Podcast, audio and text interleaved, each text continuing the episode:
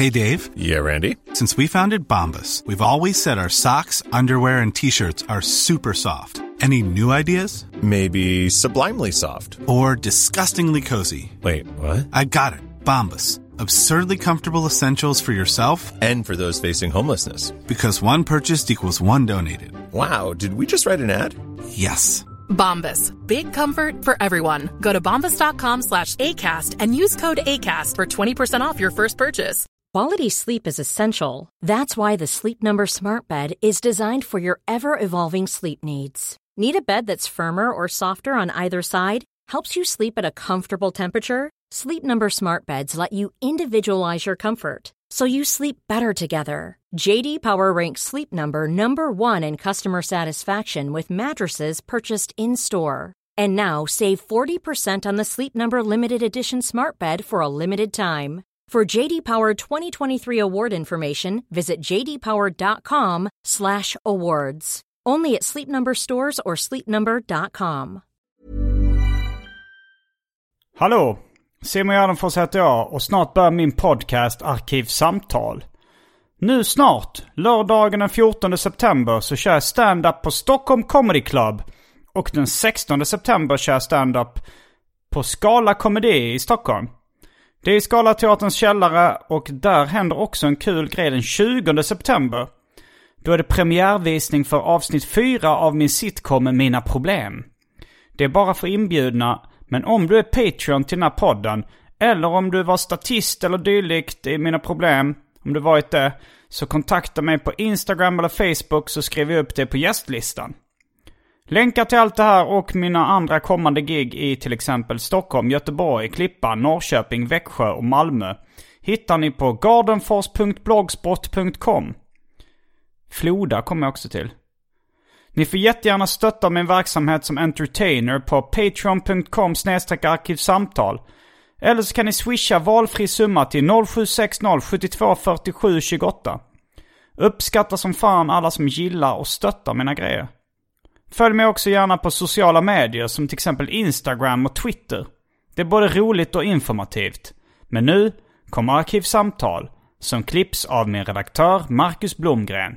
Mycket nöje!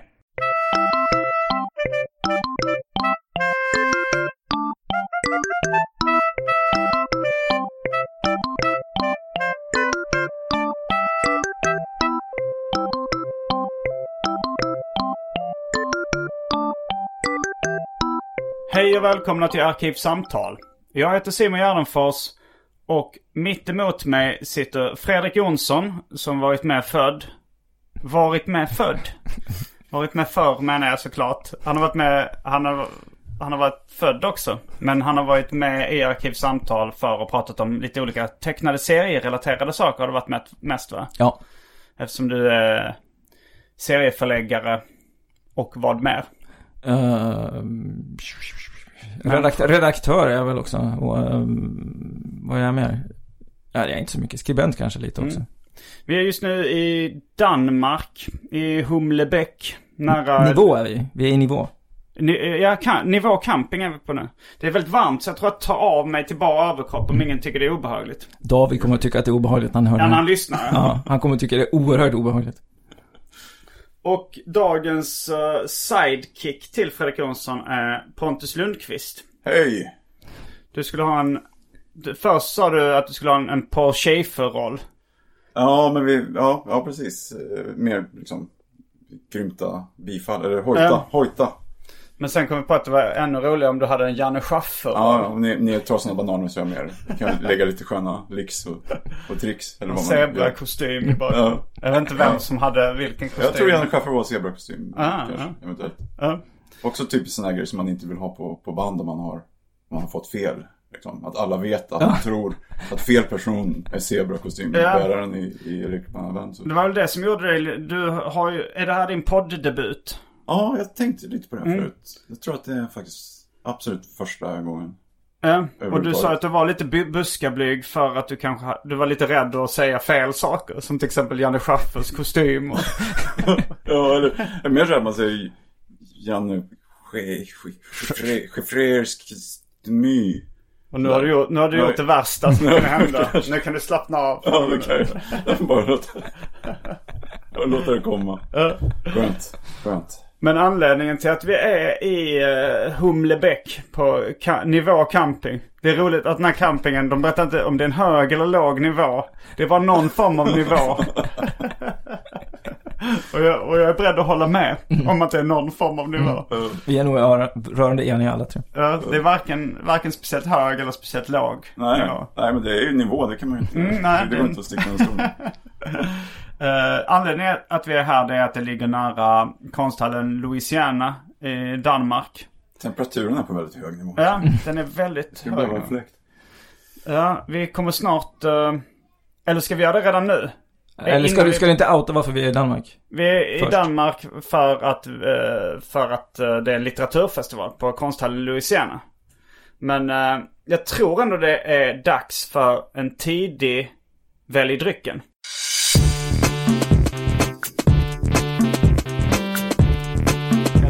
Börjar med det fasta inslaget Välj drycken! Vi kommer komma in på väldigt mycket sidospår. Så jag känner det är lika bra att riva av det plåstret snabbt. Eh, och uh, Välj drycken presenteras denna vecka i samarbete med Lystring förlag. Enskild näringsidkare. Eller vilken bolagsform. Jag tänkte säga AB, men det är det Ide- inte. Ideell förening är det faktiskt. Eh, en ideell förening? Ja. Är det Lystring förlags? Ja, nej, förlag. För jag tänkte Atlantic förlags pratar, har vi pratat om tidigare var, hur vi, varför de hade ett S på sitt förlags. Det är för aktiebolag. Ant- Atlantic förlags aktiebolag va? Ja, Atlantic Ni kom inte fram, ni kom inte i hamnen Nej, riktigt nej, här. Jag, jag tror inte jag hörde det avsnittet. Nej. Ja, men äh, ska, jag- ska jag dra listan då? Ja, dra listan på presenteras men då är det ju uh, Lystring förlags ideella förening. Är det inte det? Mm, nej, bara lyssning förlag räcker. Okej.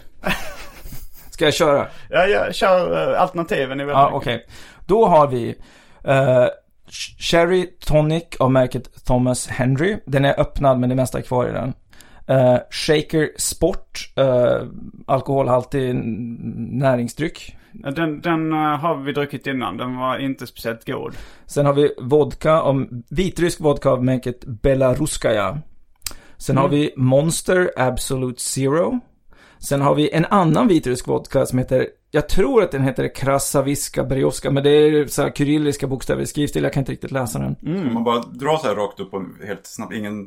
Ja, vi kommer, du, du, du, bara sitt där och ta det lugnt. Jag ska bara Jag, jag vet vad jag gör, jag vet vad jag gör. Jag vet, käft. ja, Först ska du säga, först kommer all- alternativen och sen får man välja bland Mm. alternativen. Men man, kan, man får i och för sig komma in med lite inpass. Ja. Du, det gjorde han ju redan gjort uppenbarligen. Ja men kommentarer för väl drycken. Ja, just det, jo, jo. Jag- Men jag tänkte, för du köpte, det fanns ju en anledning till att du köpte den här Nej, nej, nej, nej, nej, nej så, så, då, då får vi sitta hela, okej, det blir ja, hela programmet blir bara, ska, vi- ska, ska jag ge en, en liksom, Anledningen till att en jag köpte nota Monster på, var ju då för att det fan var med en Simon Hanselman-serie. Ja just det, men det var fel färg. Det var fel Ja, färg. ja. Ja, det finns en scen där Varv Jones häller, häller, han tar Fruit Loops eh, och sen så häller han Monster på. Och sen trodde jag att det var den typen av Monster Du han visste hällde att det på. inte var en röd. Ja, det var inte en röd. Och då trodde jag att den var blå, när jag såg den blå på netto. Men Mm. i själva verket tror jag att den var gul. Vi borde nästan kolla upp Nej, men det. den var gul. Jag tror Den att var gul, den var gul, Ja, ja. så, så i albumet. Ja. Ja, så Den jag let... gula monsterns existens i, verkligheten är väl omdebatterad. Ja. Jag Av tror att oss den finns. igår. Ja, jo, Fast- fast, fast, Hanselman själv är ju något av en expert. Han har själv klagat på någon annan typ av fiktion där, där fel, någon icke-existerande energidryck förekommer. Alltså någon med Red Bull med någon konstig färg. Ja, Okej. Eller, eller så, så, just det, han sa att ja, den där typen av Red Bull, den var bara, fanns bara en begränsad tid i Japan. Så han är konnässör. Ja, just det. Simon Hanselman kan vi också, för att vara liksom riktigt så poddvänliga, Simon Hanselman är alltså serietecknare. Som just har kommit ut med en samlingsvolym på Lystring förlags...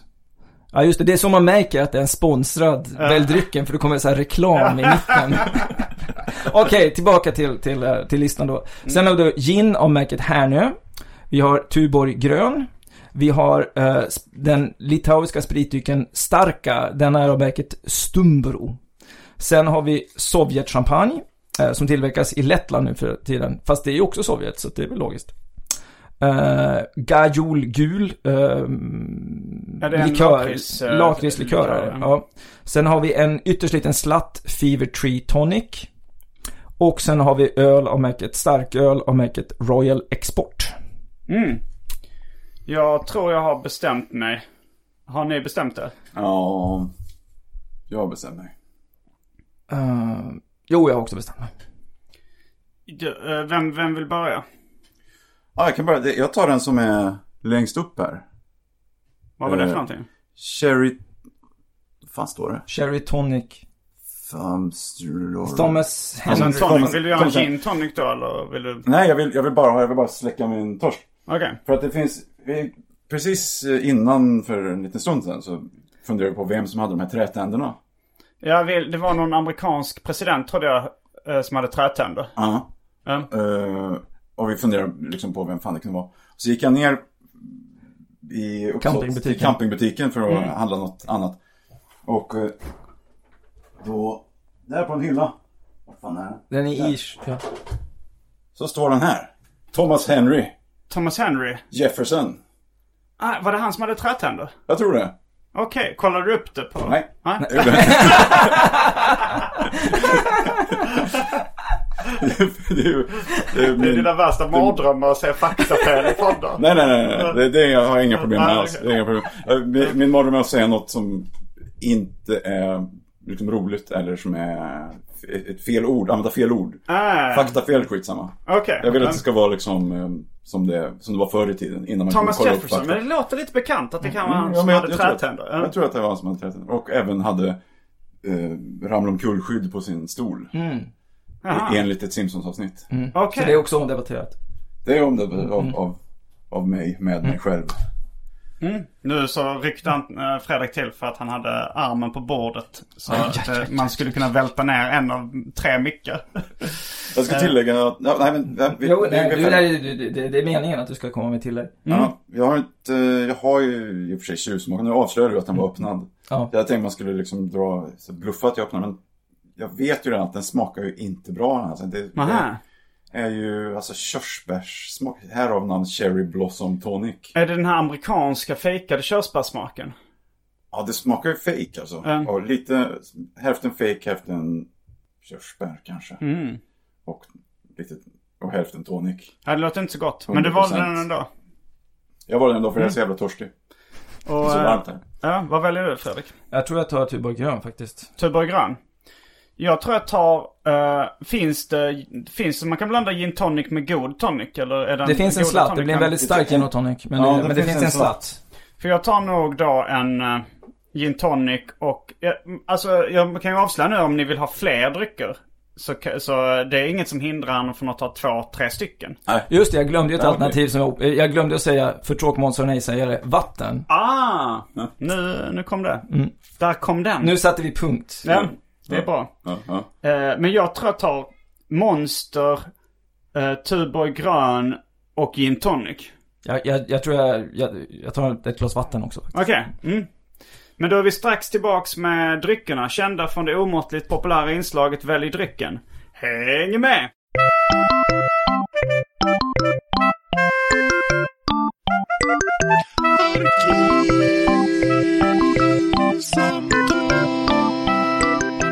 Men då är vi tillbaks med dryckerna. Kända från det omåttligt populära inslaget Välj drycken. Det ser ut som att jag leder ett parti eh, klädpoker just nu här. Ja, jo, vi har klätt, vi stripped down to the bare essentials. Eh, och den kommentaren, den eh, är plockad från filmen Ghost World. Eh, som har då ett visst serietema. Jag tänkte att det här skulle bli en sa- segway, men jag insåg på vägen att den var lite för lång. det lite lång de här segway. kopplingarna. Men för, för vi har faktiskt inte avslöjat dagens ämne. Vilket är Robert Crumb. Sitter du och väntar, försöker öppna. Jag tänker du, du håller på att öppna en kork. Jag tänkte att Ja, du skulle det- vänta till rätt tillfälle. Ja, jag jag tänkte när jag rätt crumb så skulle det vara...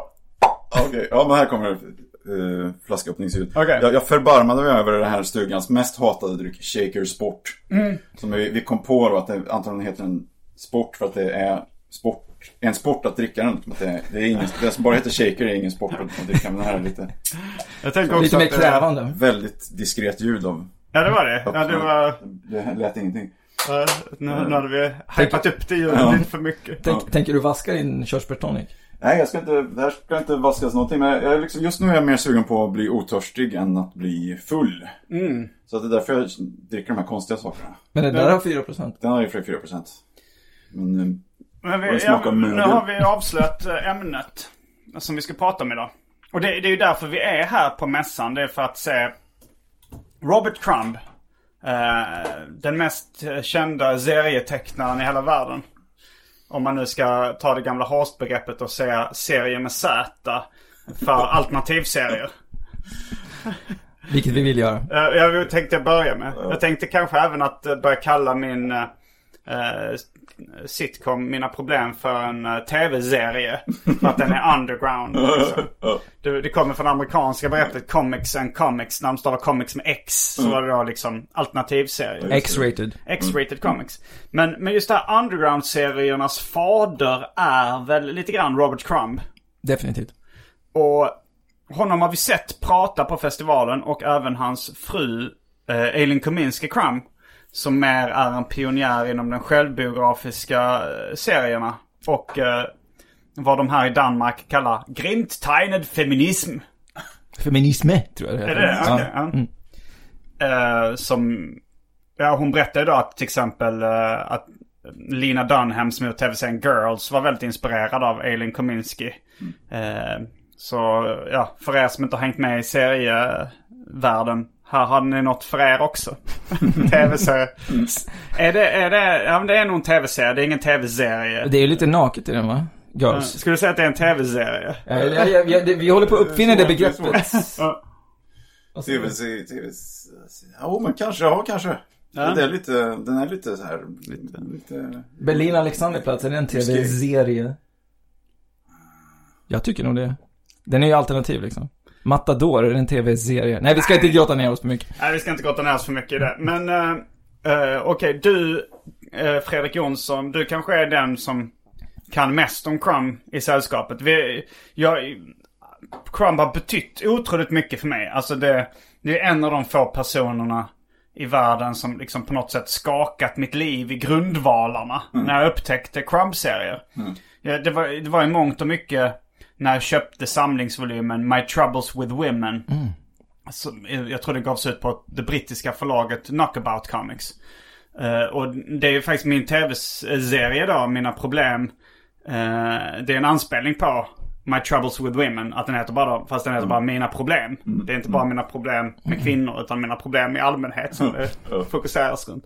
Men, eh, men, så, men jag blev ex, alltså han, för hans sätt att vara självutlämnande och hans sätt att liksom vara att bara, men ganska ogenerat droppa vad han tänker. Och sen teckna på ett väldigt coolt och begåvat sätt på något sätt.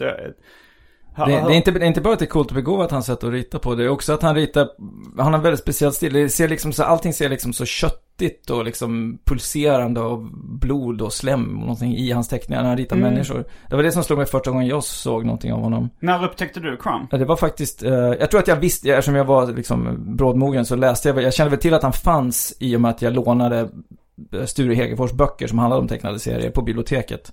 Som hette saker som Pratbubblan och då fanns det bilder från Crumb-serier. Men det första gången jag läste honom på riktigt det var faktiskt när Bild och Bubbla, tidskriften Bild och Bubbla hade ett temanummer om Crumb. Med någon stor, någon tjej med stor röv på framsidan som han hade ritat. Och Det är sen en var fixering då, Crumb bara. Tjejer ja, med ja, stora jo, han, har- han är väldigt, han har väldigt, väldigt speciella sexuella fetischer kan man väl säga. Eh, det kan vi ju kanske kommer att återvända till senare. Och sen där var det en del översatta serier. Och det, det var kanske fem, sex sidor översatta serier. Och de, ja, de var liksom så råa. Alltså det var mest, det var nästan mest hur det var tecknat som gjorde att det var liksom så, så rått. Det var som att sexscener, det var som ett djur som håller på liksom. Det var ingenting var som så här rent och liksom elegant, utan var så här köttigt och svettigt. Och, på något sätt. Men Crumb, eh, han har ju krediterats lite med att det var, ja men det var väl han bland annat då som lite uppfann Underground-serien. Eh, men, men ska vi försöka, vi kommer komma in på väldigt mycket sidospår, men vi kanske ska ta det lite från början. Crumb, växte han upp i Cleveland? Philadelphia. Philadelphia? Men han, men han har bott i Cleveland. Han, han flyttade dit sen eh, när han flyttade hemifrån. Men jag har för mig han sa på se, i scensamtalet igår att han kom från, eller att hans föräldrar kom från Minnesota. Mm, det är sant. Han, hans, ja, hans föräldrar kom från Minnesota men de bodde i, han växte upp, jag tror, han kanske föddes någon annanstans, men han, han, all, han växte upp i Philadelphia definitivt. Det finns en väldigt bra dokumentär om Crumb som just heter Crumb. Och som är gjord av Terry Zwigoff. Som då gjorde den här uh, Ghost World-filmen. Som jag citerar. Åh nej, nu ringer... min telefon. All, nu har alla dabbat sig. Och jag, jag tänkte på det, jag satt och pratade, jag var på går nu, jag hade ju gå- Då kan jag passa på att ta ett foto också när vi ändå är i gasen. Ska jag, ska jag vara... Ska jag sitta med bara, nej, nej, nej. Det vill inte vara... Nej, vi får ta ett, ett riktigt foto sen då. För det är ett roligt minne i alla fall. Av min privata kollektion. Det är så här, utpressningsfoto.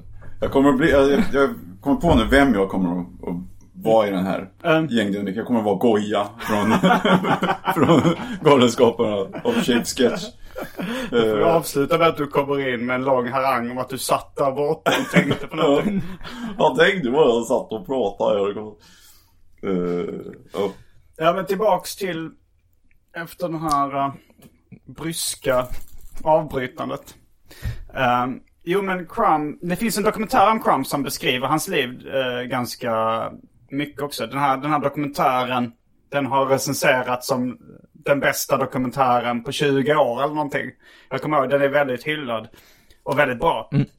Eh, Men där får man ju reda lite på hur Crumbs serietecknande börjar. Det är ganska mycket hans storebror Charles Crumb som, som hetsar honom och, och tvingar honom att teckna serier. Lite som jag har hört att du, Fredrik Jonsson, gjorde med din kusin Mats Jonsson.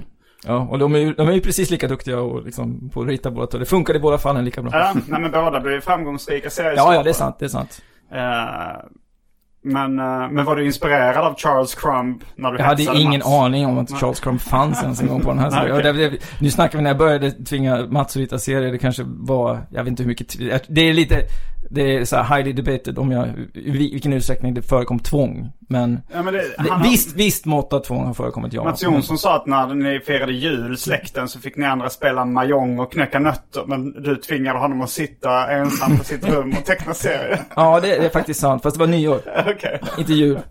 Finns väl gränser? Ja, men Crumbs storebrorsa var också en otroligt duktig tecknare. Så om man kollar på den här dokumentären. Han, han var en flippig stil, men han var också lite mer, lite mer psykiskt sjuk. Hela familjen Crumb verkar vara mer eller mindre psykiskt sjuk. Just det. Crumb eh, har då eh, enligt sin egen fru Aspergers syndrom. Eh, Charles Crumb har ju säkert också det men då eh, även Han var depression också. kliniskt deprimerad. Mm. Han begick självmord innan filmen blev klar. Eh, men, Max har vi också. Och Max Crumb, ja, han var ju också ett riktigt jävla psykfall. Freak. I filmen. Han, eh, ja, men han antastade kvinnor och, och käkade snören som han bajsade ut. Och Ja. satt på en spikmatta bland annat. Han, alltså han skrev väl att han, snöret skulle gå igenom kroppen. Just det, just det, ja. Kom ut i, i bägge ändar på honom. Jo, att det skulle ren, rensa på något sätt. Ja. Det, vad är det för konstigt med det? Men han hade också någon slags spasmer. Han satt och ryckte med kroppen. Under hela tiden. Alltså han ger ett väldigt, väldigt sjukt intryck. Och han säger ju också så här att han, att han började typ tafsa på kvinnor eller någonting, antasta dem på stan. Och, och att det hade kunnat sluta eh, riktigt illa enligt honom själv om han inte hade... Robert gör, ju det också fast. i och för sig. Antastar och tast, eh, kvinnor. Fast inte, inte främlingar på stan kanske. Utan mer folk på en fest.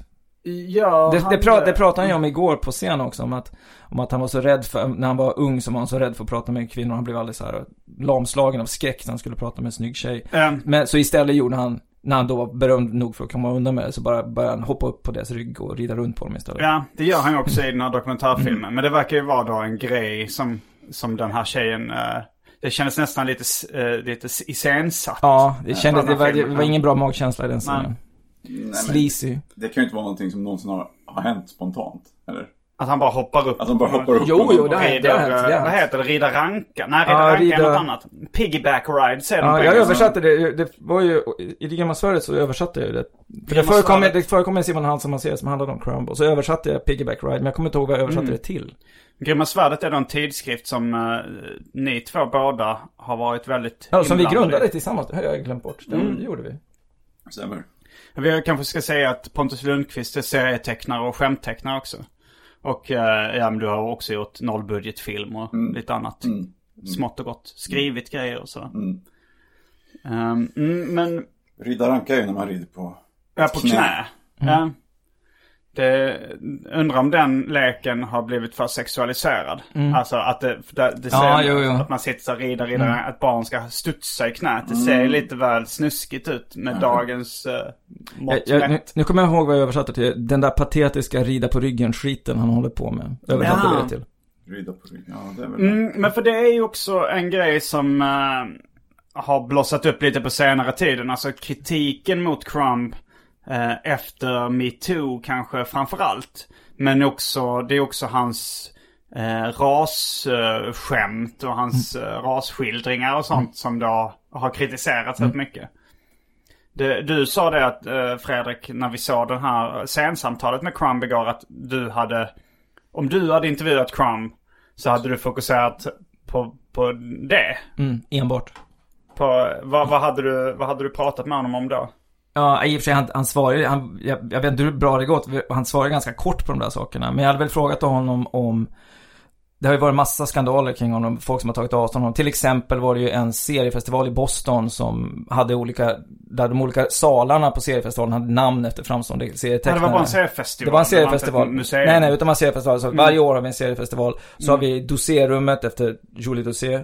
Eh, eller som Bechdel-rummet, Bechdel-rummet, Harvey Kurtzman-rummet och Crumb-rummet. Eh, och då var det som, det var inget tryggt rum. Folk ville inte sitta i Crumb-rummet för de, de, de var liksom, eh, han var en så hade- kontroversiell pe- person så de bytte namn på det. Eller kanske avskaffade namnen på rummen överhuvudtaget tror jag. Till exempel. Ja, och det var någon som hade, det var någon eh, som hade, det var någon Twitter-grej läste jag om att folk hade buat när Crumbs namn hade nämnts i något panelsamtal på någon seriefestival också. Och eh, det handlar väl om, men han har, gjort, han har gjort väldigt, väldigt explicita serier. Dels då, dels då liksom självbiografiska serier där han gör tveksamma eh, sexuella grejer. Alltså till exempel, du berättar att det var en skandal om en serie där han har sex med en full tjej till exempel. Just det. Eh, och sen så är det ju också hans, uh, ja men hur han porträtterar svarta i sina serier. Sex, kan- det, sexet i serierna kan ju också vara det, han är ganska mycket inne på dominans och liksom och BDSM-aktiga saker. Att Ja. man ska liksom, han ska kräla på kvinnorna och ska trycka dem och trycka ner ansiktet i backen och så, den typen av grejer. Eh, och sen Vilket- då hans uh, vagt rasistiska porträtt Mm. av svarta. om man väljer att uttrycka sig milt. Men det, ja, det, de är ju väldigt komiska och det, Mm. det är, jag, jag, jag har ju svårt att liksom jag uppfattar inte Crumb som speciellt hatisk när jag ser de, eh, de, de teckningarna. Utan mer som eh, tramsig på något Mm. sätt. Och som han själv kallar sig, eh, a punk. Alltså att det är en punkarinställning. Att man, man gör, när, när, när, när det finns ett, en uppsättning av regler för vad man får göra och säga och rita eh, i, i samhället. Och då så är det ju lite punkigt att bryta mot alla de reglerna. Han sa ju det också igår på scensamtalet att när han hade kommit till en viss nivå av popularitet så började han tycka att jaha, jaha, tycker ni om det jag gör? Ja, ja, men se om ni kan gilla det här då. Så började han göra så här jätte, liksom, eh, brutala, eh, vad var det, kvinnoförnedrande serier började han göra. Jo. Eh, och så sa han så, förlor, och så förlorade jag, med en gång, upp som ett trollslag förlorade jag halva min publik. Ja, och det var ju framförallt kvinnorna han Ja, förlorade ja. då. Jo, men det var för att han, eh, han började teckna serier då som barn. Eh, då var det ju mycket så här funny animals och, och den typen av serier. Och sen, eh, sen började han teckna, eh, han gjorde någon, någon bok som heter The Young, Yum Yum Book. Som var då en snyggt tecknad eh, Gullig sagohistoria. gullig sagoserie. Och som, men sen, sen flyttade han till San Francisco och började med LSD. Och då började hans liksom hjärna balla ur lite och han, han gjorde väldigt mycket mer tramsiga och avantgardistiska serier på något sätt. Alltså underground-serier som var mycket, som var hippie-inspirerade och LSD-inspirerade. Och de blev väldigt omhuldade då av hippiekulturen.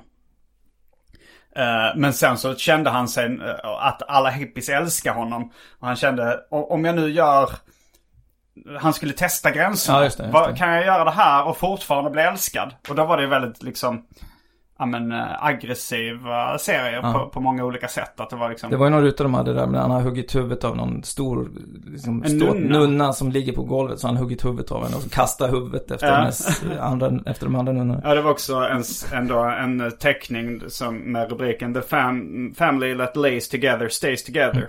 Men den är faktiskt tidigare, den, är, den var en av de som de älskade. Jaha, det var det. Den är, Det- den är med i första numret av hans serietidning Zap. The Family, det fanns ju ett amerikanskt uttryck som hette The Family that prays together stays together. Som var liksom kristen grej. Men sen så gjorde han en incest och då är det ju så hela familjen som knullar varandra. Men det, det, jag tror att det, det var väl inte så himla kontroversiellt i de där hip- hippiekretsarna med liksom incest och det, det, man kan också se en satir över liksom Helylle-familjen och hippisarna var sådana som hade rymt hemifrån och ville leva liksom det fria livet och gå omkring i kaftan och ta droger och lyssna på Jefferson Airplane. Jo. Och då, då är det liksom, då var det bara som ett fuck you-finger till det här familjeidyllen. Hey, Dave. Yeah, Randy. Since we founded Bombus, we've always said our socks, underwear, and t shirts are super soft. Any new ideas? Maybe sublimely soft. Or disgustingly cozy? Wait, what? I got it. Bombus. Absurdly comfortable essentials for yourself And for those facing homelessness. because one purchased equals one donated. Wow, did we just write an ad? Yes. Bombas. Big comfort for everyone. Go to bombas.com slash ACAST and use code ACAST for 20% off your first purchase. Quality sleep is essential. That's why the Sleep Number Smart Bed is designed for your ever evolving sleep needs. Need a bed that's firmer or softer on either side? Helps you sleep at a comfortable temperature? Sleep Number Smart Beds let you individualize your comfort so you sleep better together. JD Power ranks Sleep Number number 1 in customer satisfaction with mattresses purchased in-store. And now save 40% on the Sleep Number limited edition Smart Bed for a limited time. For JD Power 2023 award information, visit jdpower.com/awards. Only at Sleep Number stores or sleepnumber.com. Millions of people have lost weight with personalized plans from Noom, like Evan, who can't stand salads and still lost 50 pounds. Salads, generally, for most people, are the easy button, right? For me, that wasn't an option. I never really was a salad guy. That's just not who I am. But Noom worked for me. Get your personalized plan today at Noom.com. Real Noom user compensated to provide their story. In four weeks, the typical Noom user can expect to lose one to two pounds per week. Individual results may vary. Jo men sen så gjorde han ju serien Joe Blow. Som mm. också är så här, först skildrar han en, en, familj, en fem, typisk 50-tals familjeidyll. Och sen så börjar då eh, pappan ha sex med dottern och eh, mamman ha sex med sonen. Det är bara en gång, det är som någon slags invigningsgrej, de ska lära dem. Ja, de ska lära dem uh, att ha sex. Men de, den serien blev han ju kritiserad för av... Alltså, eh, var det Trina Robbins bland annat? Alltså jag tänker i Crumb-dokumentären så, så tar hon upp den serien jag vet inte om det var Trina Robbins just som kritiserade den. Men, men då är det ju vissa, hon, någon, någon kvinna då som är själv serietecknare tror jag.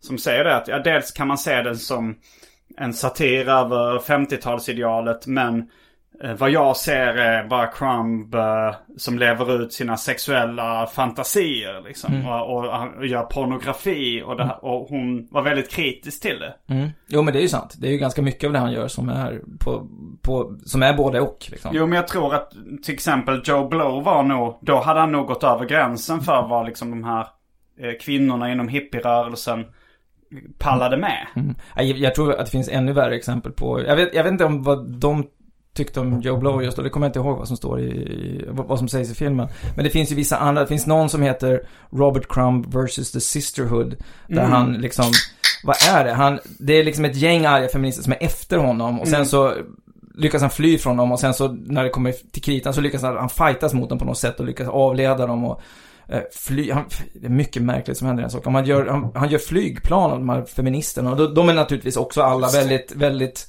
ståtligt, de har st- kraftiga ben och stora rumpor precis som hans egen sexuella preferens är liksom. Och sen slutar det med att, ja men i själva verket vill de ju bara ha sitt skjut. Det är liksom ingen speciellt trevlig Alltså jag, jag, jag, jag, tar avstånd från den helt och hållet, jag, jag. Men det är inte så konstigt att, att eh, det inte så många kvinnliga läsare var kvar efter den serien. Nej men det, det är väl också beroende på hur mycket ironi man läser in i det. Ja. Det skulle jag säga. Men, sen, men han träffar ju också någon gång under den här hippieperioden Eileen Kaminski. Som är en eh, serietecknare som gör självbiografiska serier. Vilket Robert Crumb också har gjort väldigt mycket. Och det är de scener av Crumb som jag uppskattar mest. Är nog hans självbiografiska serier. Men där vill jag lite äh, göra ett ned, liksom en avstickare fast ändå på, på temat liksom. vilka var det som var först med självbiografiska serier? För att Crumb i det här sensamtalet igår, han säger att han börjar, han blir inspirerad av sin eh, fru, som då var hans flickvän, Eileen Kominsky. Hon i sin tur sa att hon var inspirerad av eh, Justin Green. Justin Green, ja. Och han gjorde ju liksom s- tecknade serier som var väldigt realistiska och handlade om honom själv. Men huvudrollen hette inte Justin Green. Nej. I, eh, han gjorde en serie som heter Binky Brown. Mm. Det är det, egentligen den som är, liksom, det är det som är hans minnesvärda verk. De, Ja. de andra grejerna är inte lika... Men, men, Spännande. men var Eileen Kominsky då... Var Eileen Kominsky före Har, eh, Harvey Pekar? De var nog, ja, det beror på, Harvey Pickers första serie gjorde han, det var bara en sida han gjorde på baksidan till en Crumb-tidning. Som Mm. nog var innan han ens hade träffat Eileen. Okej. Eh, en kortis liksom, bara jag har ett gag till dig. Och, och det var ju såklart självbiografer eftersom det var Harvey Picker som hade Mm. skrivit gaget. Och sen, jag tror nog att det var, det var ungefär samtidigt, skulle jag säga. För Harvey Pekar, det finns en film om honom också då Mm. som heter American Splendor. Som, eh, och där, han, han får ofta cred för att ha varit liksom den första eh, självbiografiska serieskaparen. Mm. Han skrev mm, bara manus då, eller gjorde bildmanus till andra serietecknare. Kanske framförallt Robert Crumb är väl den som är mest känd. Mm. Av de som tecknat Harvey Pekars serier. Men, eh, men, eh, ja men han kanske var före Eileen Men det var ungefär, jag skulle säga att det var ungefär som, jag har, jag har faktiskt inte ens tänkt, jag borde ha gjort research innan nästan. Var, Mm. eh, du skulle sagt att du skulle ställa en fråga här, har svar. Men det var ungefär samtidigt, men jag tror att skillnaden är, oavsett vem som var först så gjorde Harvey mycket mer. Men än- självbiografiska. Ja men han, han gjort mycket mera serier överhuvudtaget. Mm. Dels så behövde han inte rita dem själv, då kunde han ju få ur sig mer. Uh, Eileen har inte gjort sådär jätte, jag menar han är, det är ju hundrat, han är, det är många böcker som Harvey Pick har gjort innan Mm. vid det här laget. Men Eileen det är ju hennes samlade verk som är en volym på 300 sidor och så en annan som är hennes samlade verk som hon, med serien hon ritat med Robert. Eh, och den är kanske också 200 sidor. Det är liksom allt på liksom lite- 45 års verksamhet. Ja. Det är inte så mycket. Så att det bidrar ju till att, att, jag att han är mer känd som konstigt. självbiografiska. Ja. Ja, hon är ju rätt känd som det också. Men, Mm. det, men, men i filmen om då Harvey Pekars liv. Eh, då, då känns det som att han får ensam cred för att uppfunnit självbiografiska Mm. serien. Och Eileen Kominsky nämns inte. Nej. Och i det här scensamtalet vi såg igår så, så fick lite då eh, Eileen Kominsky och Justin Green. Mm. Ja, Eh, Pekar nämndes inte Nej, överhuvudtaget. nämndes inte vilket jag tyckte var lite konstigt där. Men man kan ju också inflika om man nu ska vara knappolog här. Uh, Crumb, alltså Robert, eh, nämnde ju också Jill Pfeiffer. eh, som, Ja. som gjorde lite, tydligen, jag, jag har inte läst så mycket av honom, men jag, jag har, jag, har böckerna, jag- har böckerna hemma olästa. Jag tror inte heller att Jules Pfe- eh, Jules Pfeiffers karaktär hette Jules Ja. Pfeiffer. Ja, juryn ute, vi, vi kan, nu sitter vi och killgissar. Nej. Sen fa- det fanns också lite japanska alternativtecknare som verkade, som gjorde självbio innan Pikar och Kominsky, Mhm. slutet av 60 till 70-tal. Men de hade ju ingen, det var ju liksom, vad var det du sa, en sibirisk cykel? Ja, det är ett uttryck då som jag eh, inte har hört på så många andra ställen. För. Min, min ex-flickvän Alexandra Brixel. Men det är då någon som eh, uppfinner någonting i, utan att veta att det redan är uppfunnet. Mm. Mm. Jo, men... Så jo, att men Eileen Kominsky är en sibirisk cyklist på sätt och vis. ja. ja, fast hon var ju då inspirerad av Justin Green. Ja, just det. Som Justin Green var- som är cyklisten. Som inte var fullt utvecklad självbiograf eftersom han inte döpte sina karaktärer till. Men det var ungefär som Strindberg då. Att det var ju nästan självbiografiskt men karaktären hette inte August Strindberg utan hette Johan. Vilket han hette i, August Strindberg hette i mellannamn i och för sig. Men, men han hette väl inte Strindberg i efternamn. Det blir lite en mer akademisk fråga kanske på man Ja. för. Jo, det, det är som med allting annat. Det är ganska svårt att, eh, att liksom sätta en, en stämpel på någon. Den personen var först med det här. För att all, ah, det, det utvecklas ju långsamt i små, små steg och folk är inspirerade av varandra hela tiden. Och, Men en viktig pionjär är hon definitivt. Och Kominsky är ju också en viktig pionjär på att rita sig själv väldigt, väldigt ful. Det Mm. var hon definitivt först med. jo. Ja, om man nu inte ska ta de här heta Uma-tecknarna. Ja men de ritar inte sig, jag menar rita sig själv väldigt Ja, ful. ja, Och jag, ja. hon var innan Heta Uma också. Mm. He- Heta Uma betyder fulsnyggt på japanska. Mm. Eh, så där, där, var hon, där var hon definitivt en pionjär. Jag kan, jag, jag kan inte komma på någon annan serietecknare som har ritat sig så ful innan henne. Nej, Mats Jonsson, eh, som jag nämnt, är väldigt inspirerad Mm. av Elin Kominski. Eh, han skulle egentligen kommit hit. Vi, vi, vi var ju liksom, det här är gamla seriefandom som hängde i Seriefox gästbok.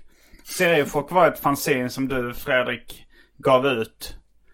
Och som sen hade en hemsida som hade en gästbok där liksom innan sociala mediers genomslag så hängde vi här. Det var ju jag, du, Pontus Lundqvist som sitter här också, Henrik Bomander och David Liljemark. David Liljemark och Peter Sjölund. Tom som- Karlsson. Ja, det är lite löst folk. Mm.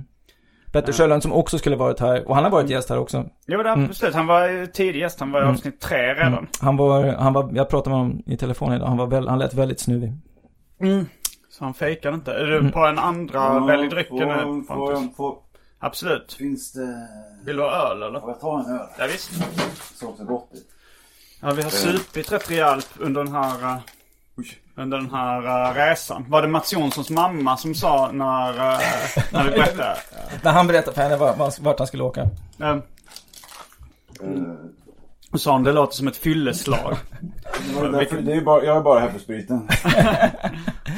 Ja, fast. Mats, Mats tyckte det var så, så, så perverst att hon tyckte att nu ska vi åka på en litteraturfestival utan att jag tycker det låter som ett fylleslag. Och så kommer det. Det blev eh, två kvällar i rad suttit upp, uppe med spritflaskor sammanbitna.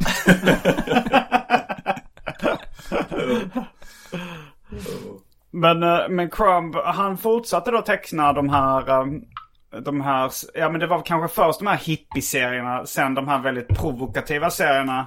Och sen gick han över lite mer till kanske självbiografiska, självutlämnande serier. Det är min favoritperiod av hans verk.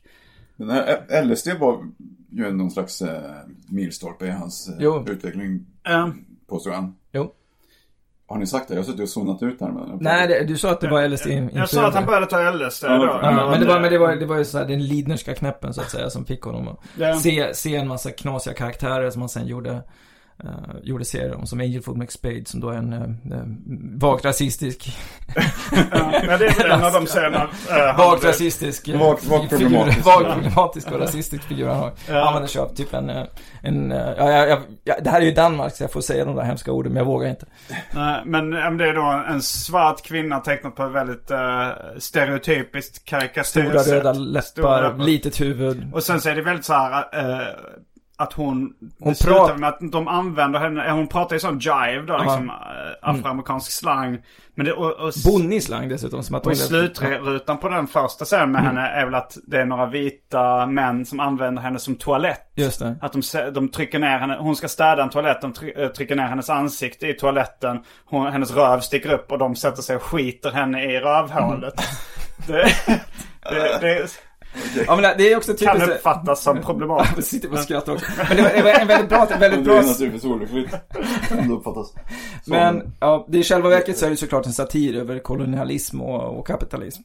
Också faktiskt. Och en sexuell fantasi på Ja, det, det, man kan ju tolka det på olika sätt. Men Crumb eh, tror jag jobbade med så här, Ja, han tänkte inte på det som satir. liksom, eh, Han tänker nog inte ofta så poli- politiskt medvetet. Utan han, han säger själv att han bara I gotta get it out there. Alla de här tankarna han har i huvudet. Så här, vad, vad den är.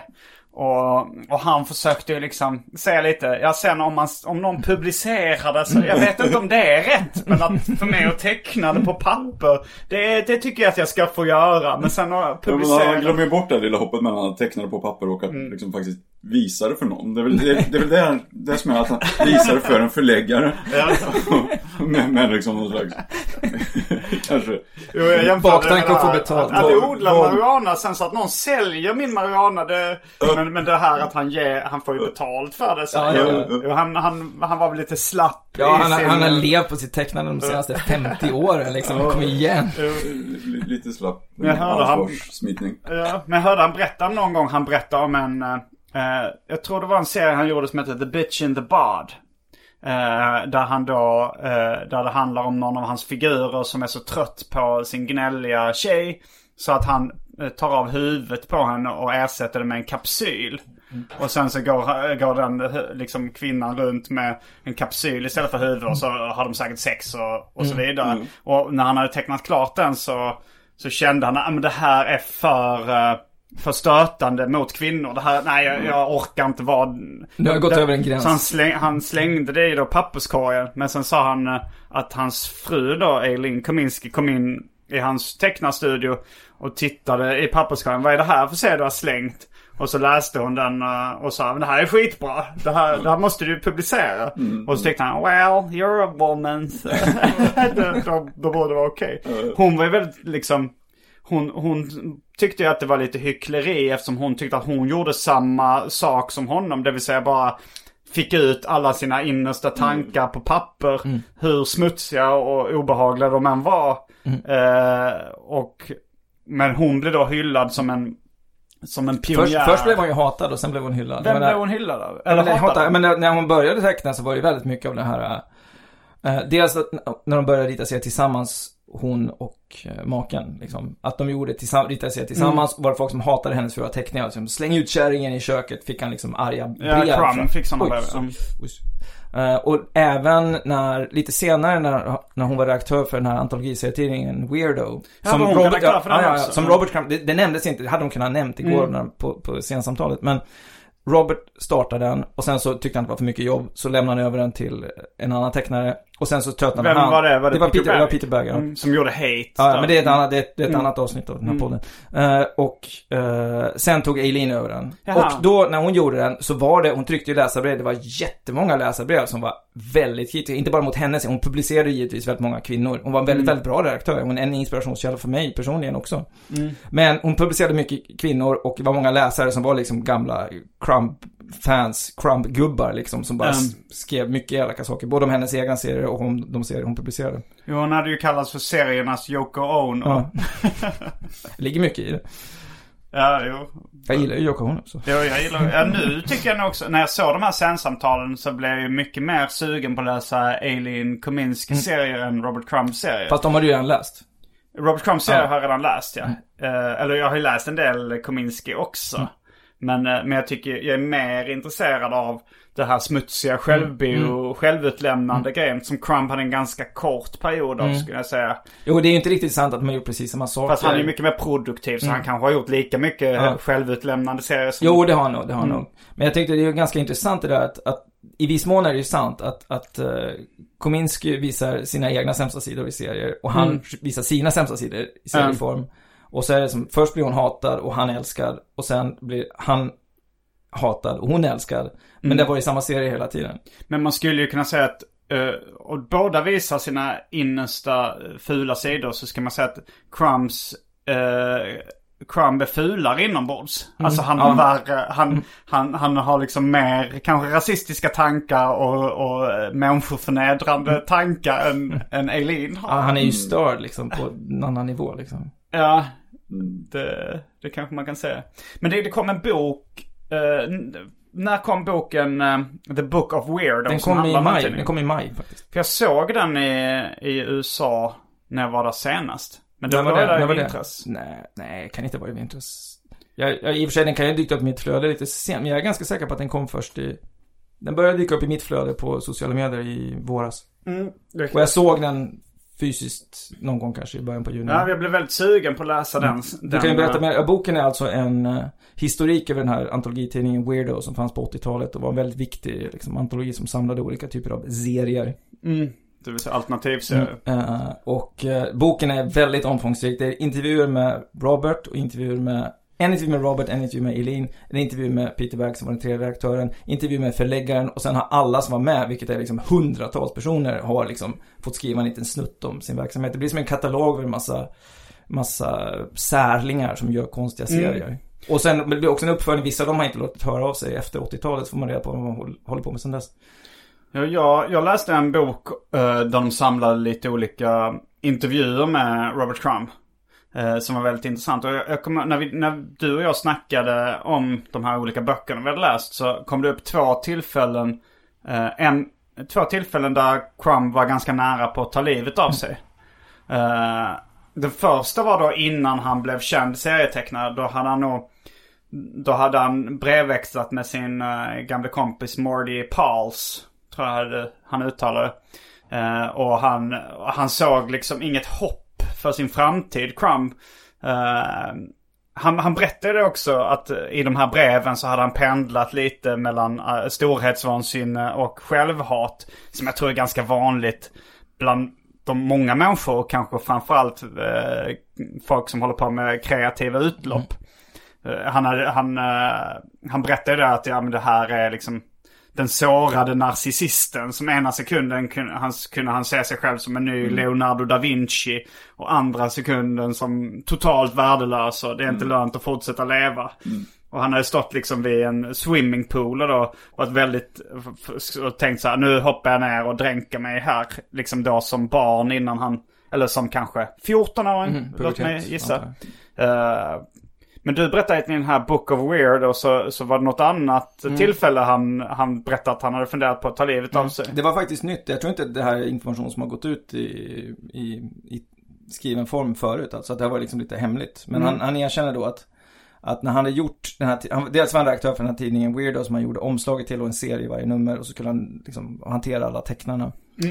Uh, vet jag själv att det kan vara ganska tungt eftersom jag själv är i samma sits med det svärdet. Men i alla fall.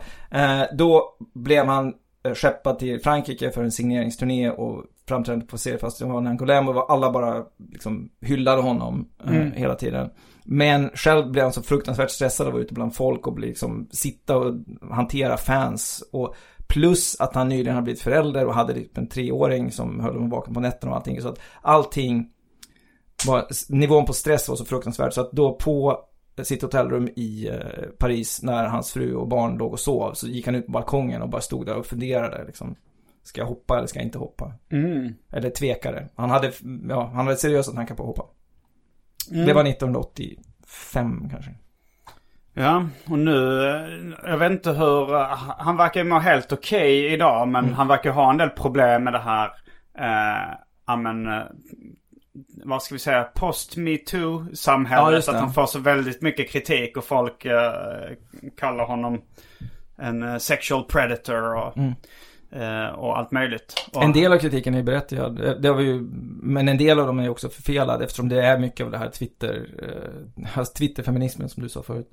Men när man felciterar och tar saker ur sin sammanhang och då får folk, många av de som kritiserar honom har fått liksom en konstig bild av vad han egentligen gör för de har aldrig läst honom utan de har bara läst någons ytterst vinklade referat. Eh, och hatar honom på grund av det. Han snackar ju också mycket i det här, på det här scensamtalet om eh, sin, att hans sexualdrift nu, tack och lov, eh, började eh, minska.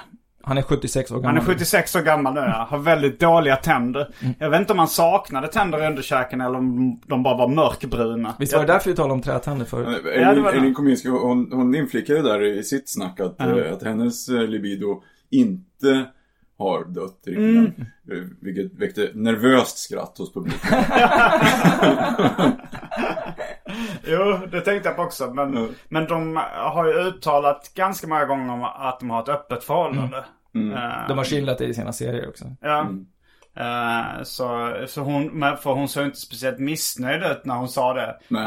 He, his libido is down, mine isn't. Ja, så- okej, men det kanske var liksom en liten eh, kontaktannons. Det kan det Nej, ha men- varit. Ja, det kan det ha Vi varit. ses. Ja, det kan det ha varit. Men jag, hon jag tror hon också ser att... väldigt bra ut för att vara 70 plus. Ja, hon är, hon är väl ganska ny. Hon, hon är fem år äldre. Hon, 71 måste hon vara. Mm. Ja. Apropå skratt, en, en rolig grej som hände under hennes prat. Det var när hon, berättade om sin hemska barndom. Eh, Och så bland annat så berättade hon hur, när hennes, eh, för hennes mamma tyckte att hon var så tjock, vilket hon inte var. Så att hennes mamma hade tagit stryptag på henne när hon, för att få henne att spotta ut en pommes frites. det var ju fruktansvärt hemskt. Men det fanns en person i den liksom så här mångtusenhövdade publiken som skrattade hjärtligt åt det. Ja, det var jag. Jag, jag trodde ju att... Ja, det, det var ju det var ju liksom en fullsatt publik där. på- Det var inte fler tusen huvuden. nej, nej, men det var Nej, många fler hundra. hundra. Ja. Fler, fler hundra. Ja, och jag tänkte det, för hon, hon berättade ju då att hon var väldigt inspirerad av amerikanska judiska ståuppkomiker. och Att hon liksom drog eh, de här liksom självutlämnande rantsen om hennes liv. Och så berättade hon att, ja men, eh, ja min mamma, hon hade själv varit tjock som ung och var jätterädd för att jag skulle bli tjock. Jag var absolut inte tjock, jag hade inga tendenser bli det. Men, men hon gav jättemycket pommes frites till min storebrorsa och ingenting till mig. Och jag försökte ta pommes frites från här, min brorsas tallrik. Och när, jag, och när hon såg det så tog hon stryptag tills jag spottade ut. Och jag trodde att hela publiken skulle stämma upp i ett garv. så jag, jag bara, det var verkligen så här gapskratt på min sida. Men det var, så tittade jag omkring. Bokstavligen den enda. Ja, Jag tror du kom upp i två ha. ja, det var märkte. Och sen tittade jag omkring och alla såg så ledsna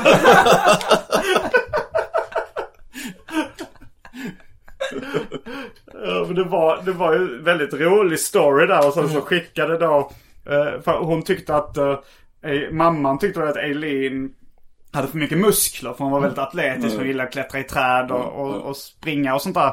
Och så sa han, men du ska inte hålla på få så mycket muskler, du, du måste se smal ut och mer kvinnlig ut. Och så skickade hon hon henne till en sån uh, fat camp, diet camp då. Där, eh, där hon fick umgås med feta barn som lärde henne hur man gömde godis. Och, så det, det slutade med att hon gick upp 10 pounds. Ja, fem eh, kilo på det. Fem kilo på det lägret. Uh, Och det, det blev liksom en sån här slutkläm på anekdoten. Och det påminner väldigt mycket om, om det här fängelsegrejen när folk lär sig brott i fängelset. Och där jag fick lära mig hur man tjuvkopplar bilar och så. Jag, jag kan också Mamman inte... stämde väl där Ja, just det. Ja, ja, ja.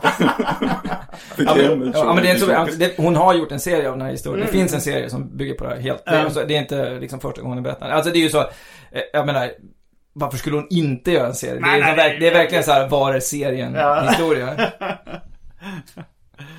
Men, eh, men Crumb, eh, ja men det, hans serie har ju dominerats tidigare då mycket av hans här frustande sexuella drift. Ja, han hade en period när han nästan bara gjorde sådana serier. I slutet av 80, början på 90-talet.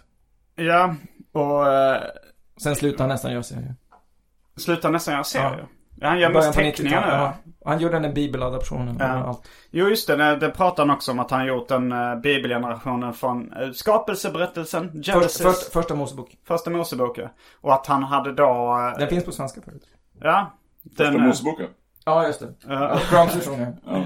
Men den tycker jag är, jag har försökt läsa den men den är mördande tråkig. Nej, jag tycker den är bra. Tycker du den är bra? jag tycker den är intressant. Jag tycker att han också gör lite, han, han går verkligen på djupet. Han ifrågasätter, framförallt när det är de här riktigt tidiga grejerna som är för flera tusen år sedan. Så försöker Mm. han hitta, läsa mellan raderna för det är så himla svårt att förstå vad som det egentligen handlar om. Så börjar han komma med teorier. Han har läst en massa kring litteratur kring Bibeln också kommer fram till att ja men det de skildrar här, det här verkar förvirrande men förmodligen var det så att vid den här tiden så var det ett matriarkat och det var därför det finns olika typer av signalgrejer någonstans då i Palestina för 5000 år sedan. Och, eh, jag tycker det är intressant. Och det är väldigt, teckningarna är ju väldigt, väldigt...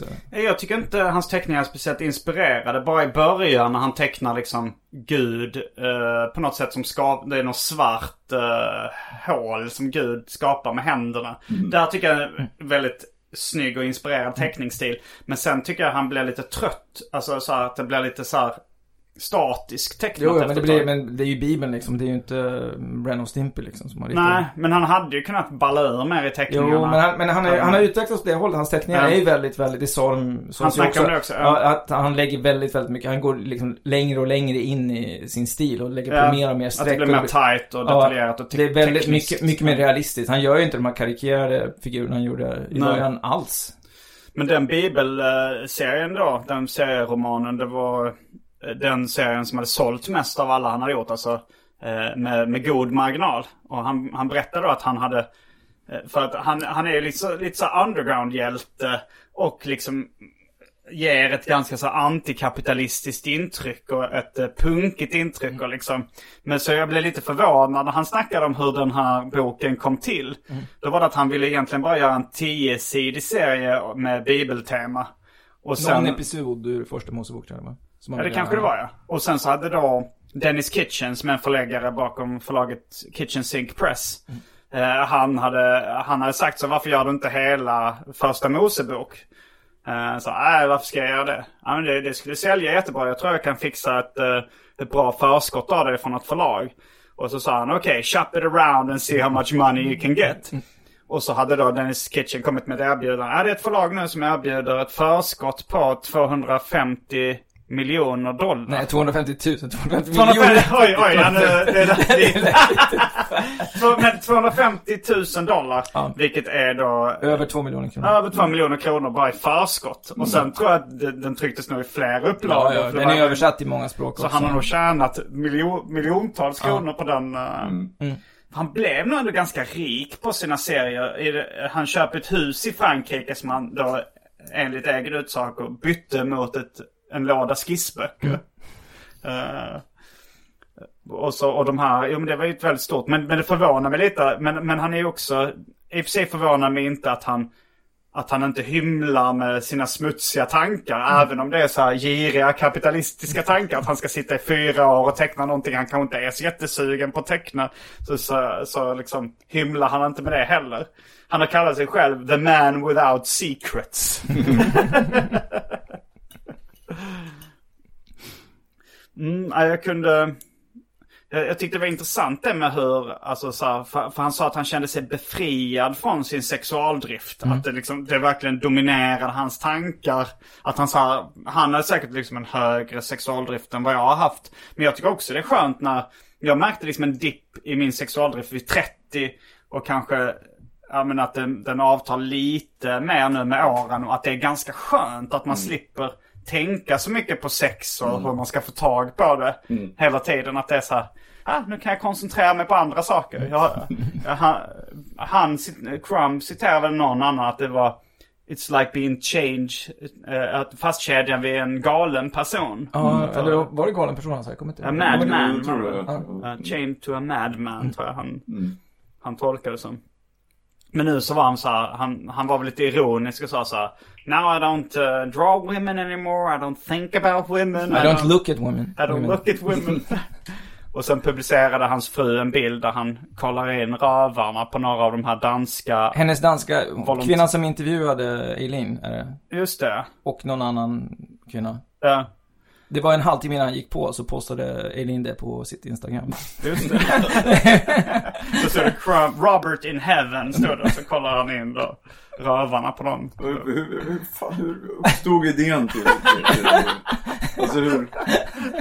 Hur det, hur det här... eh, Jag menar, till den bilden liksom. Vad, vad, jag hade velat vara med när de... när någon, Jag tror så- att det är så här eh, att, att de här danska kvinnorna då, hon som ska intervjua henne.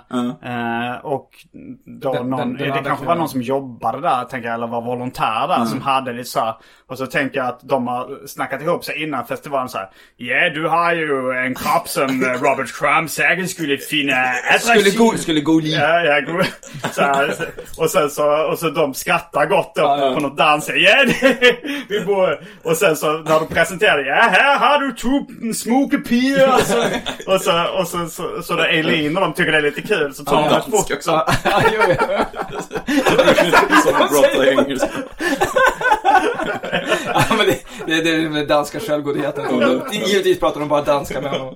Robert! Jag har funnit på två smokepier. Men jag kommer ihåg en sekvens eh, från någon, nå- jo det var någon här intervjuboken när, när Crumb berättade att han höll på att svälta ihjäl i Danmark. När han, när han, ja, han reste med sin eh, första fru då. Han var gift en gång innan.